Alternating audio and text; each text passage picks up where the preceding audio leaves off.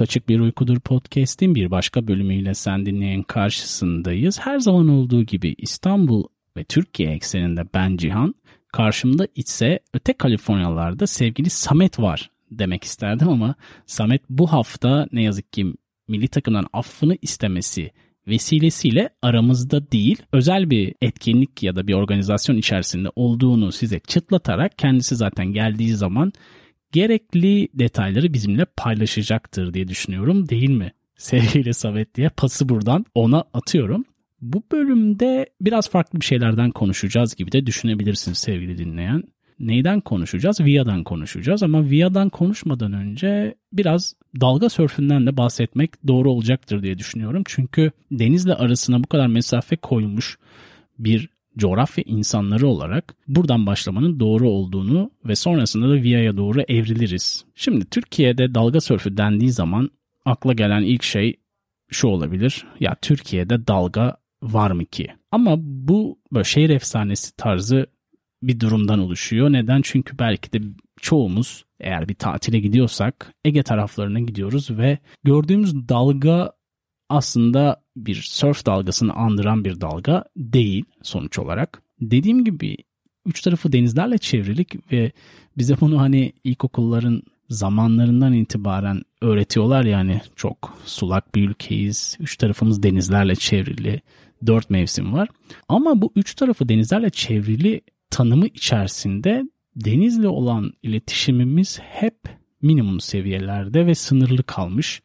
Ki bunu belki de sen dinleyen birebir yaşıyorsun. İstisnalar kaideyi bozmamak kaydıyla. Karadeniz dahil olmak üzere kıyı şeritlerinde yaşayan birçok kişi yüzme bilmiyor. Bu bir gerçekten şehir efsanesi değil sevgili dinleyen realite. Hatta yüzme bilmeyen balıkçılar da hatırı sayılır seviyede diye düşünebiliriz.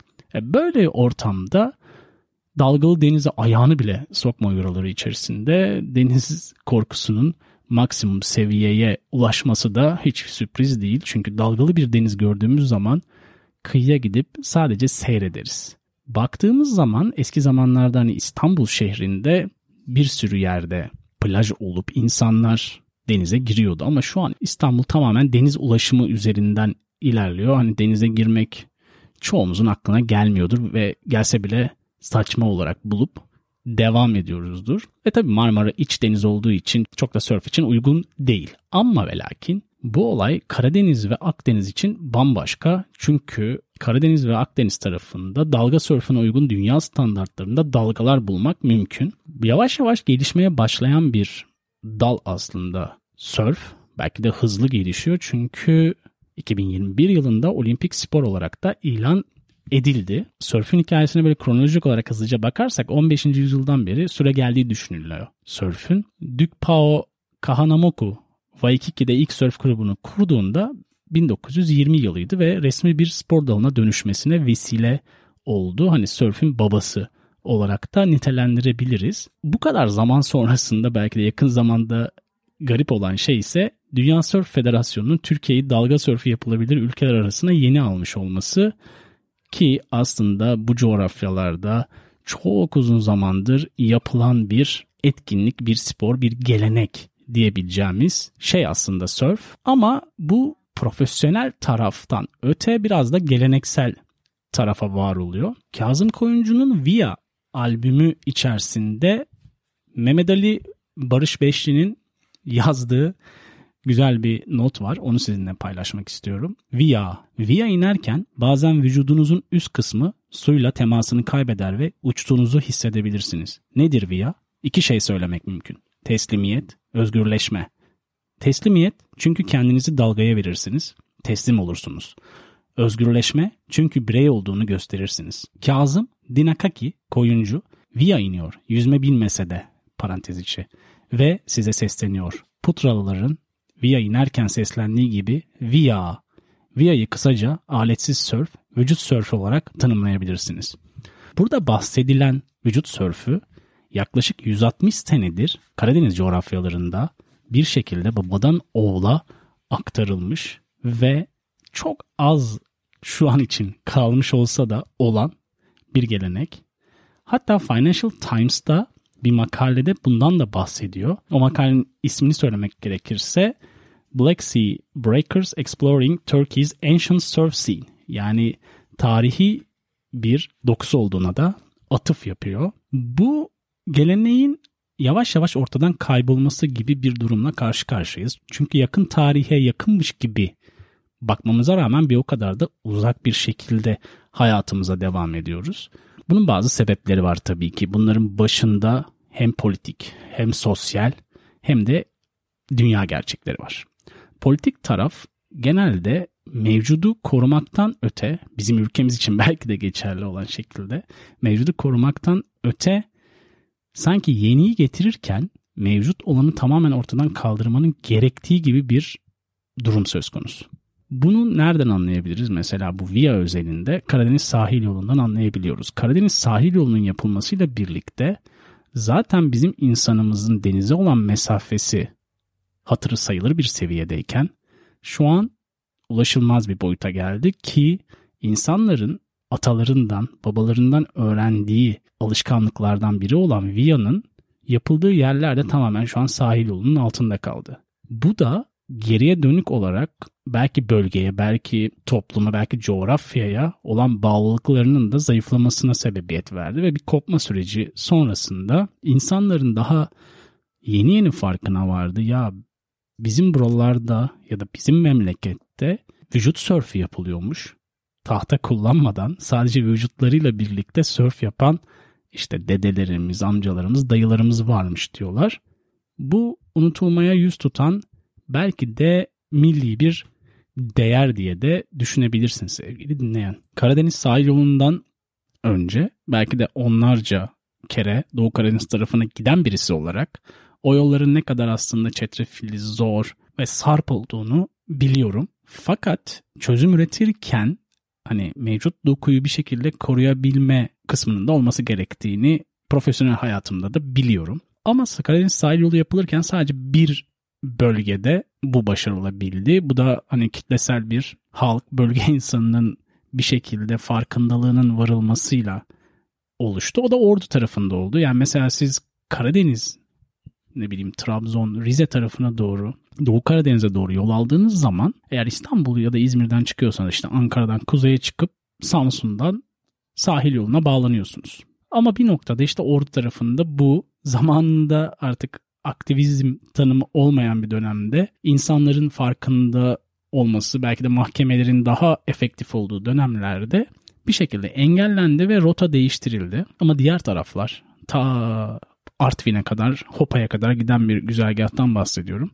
İnsanların alışkanlıkları, nasıl söyleyeyim, gelenekleri bir şekilde denize mesafe artarak gerçekleşti. Via'da o bölgede belki de batı taraflarda bizlerin top oynayarak büyümesinin benzeri bir alışkanlıktı. Ama ne oldu? Tamamen olmasa bile çok büyük oranda ortadan kalktı.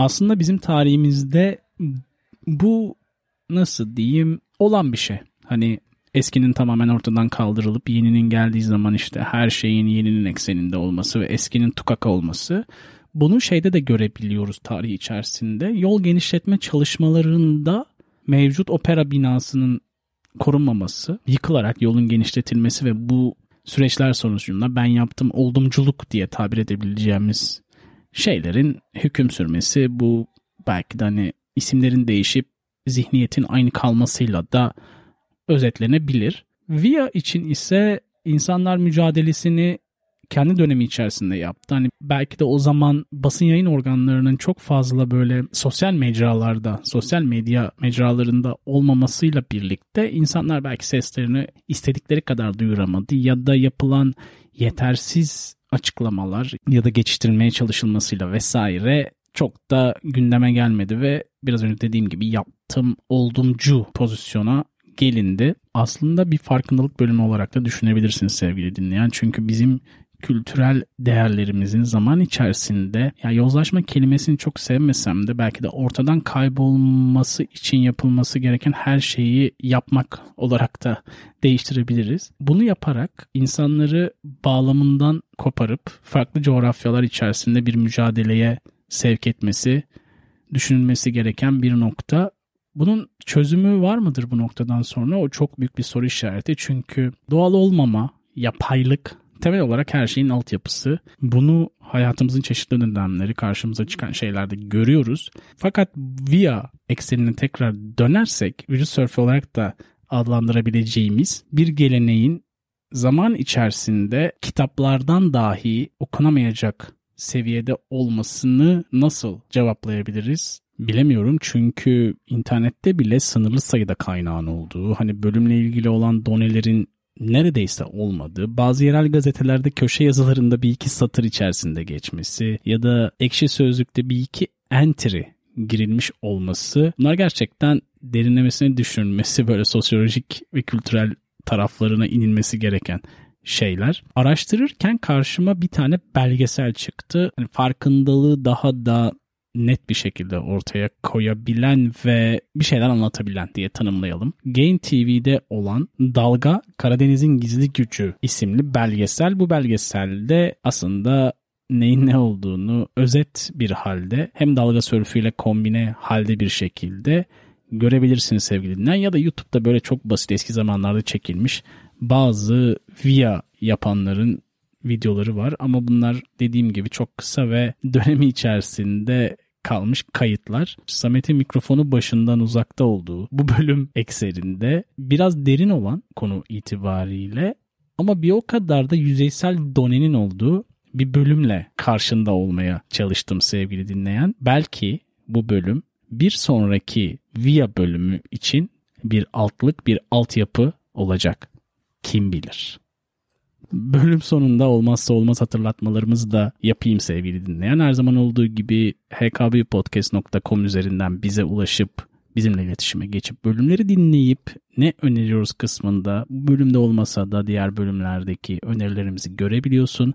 Onun dışında HKBU dinlencesi playlistimize Spotify, Deezer ve YouTube'dan ulaşabiliyorsun. Bununla da yetmiyor. Ayrıca bir Patreon hesabımız var. Oradan Samet ve bana kahve ısmarlayıp belki aklındaki önerilerden birini de bize iletebilirsin. Onun dışında yolculuğa bizimle devam ettiğin için teşekkürlerimizi sunarken önceki, sonraki, beriki geriki bazı bölümlerde ya da birçok bölümlerde tekrar seninle buluşmak ve yolculuğa devam etmek dileğiyle şimdilik hoşçakalın. Görüşmek üzere.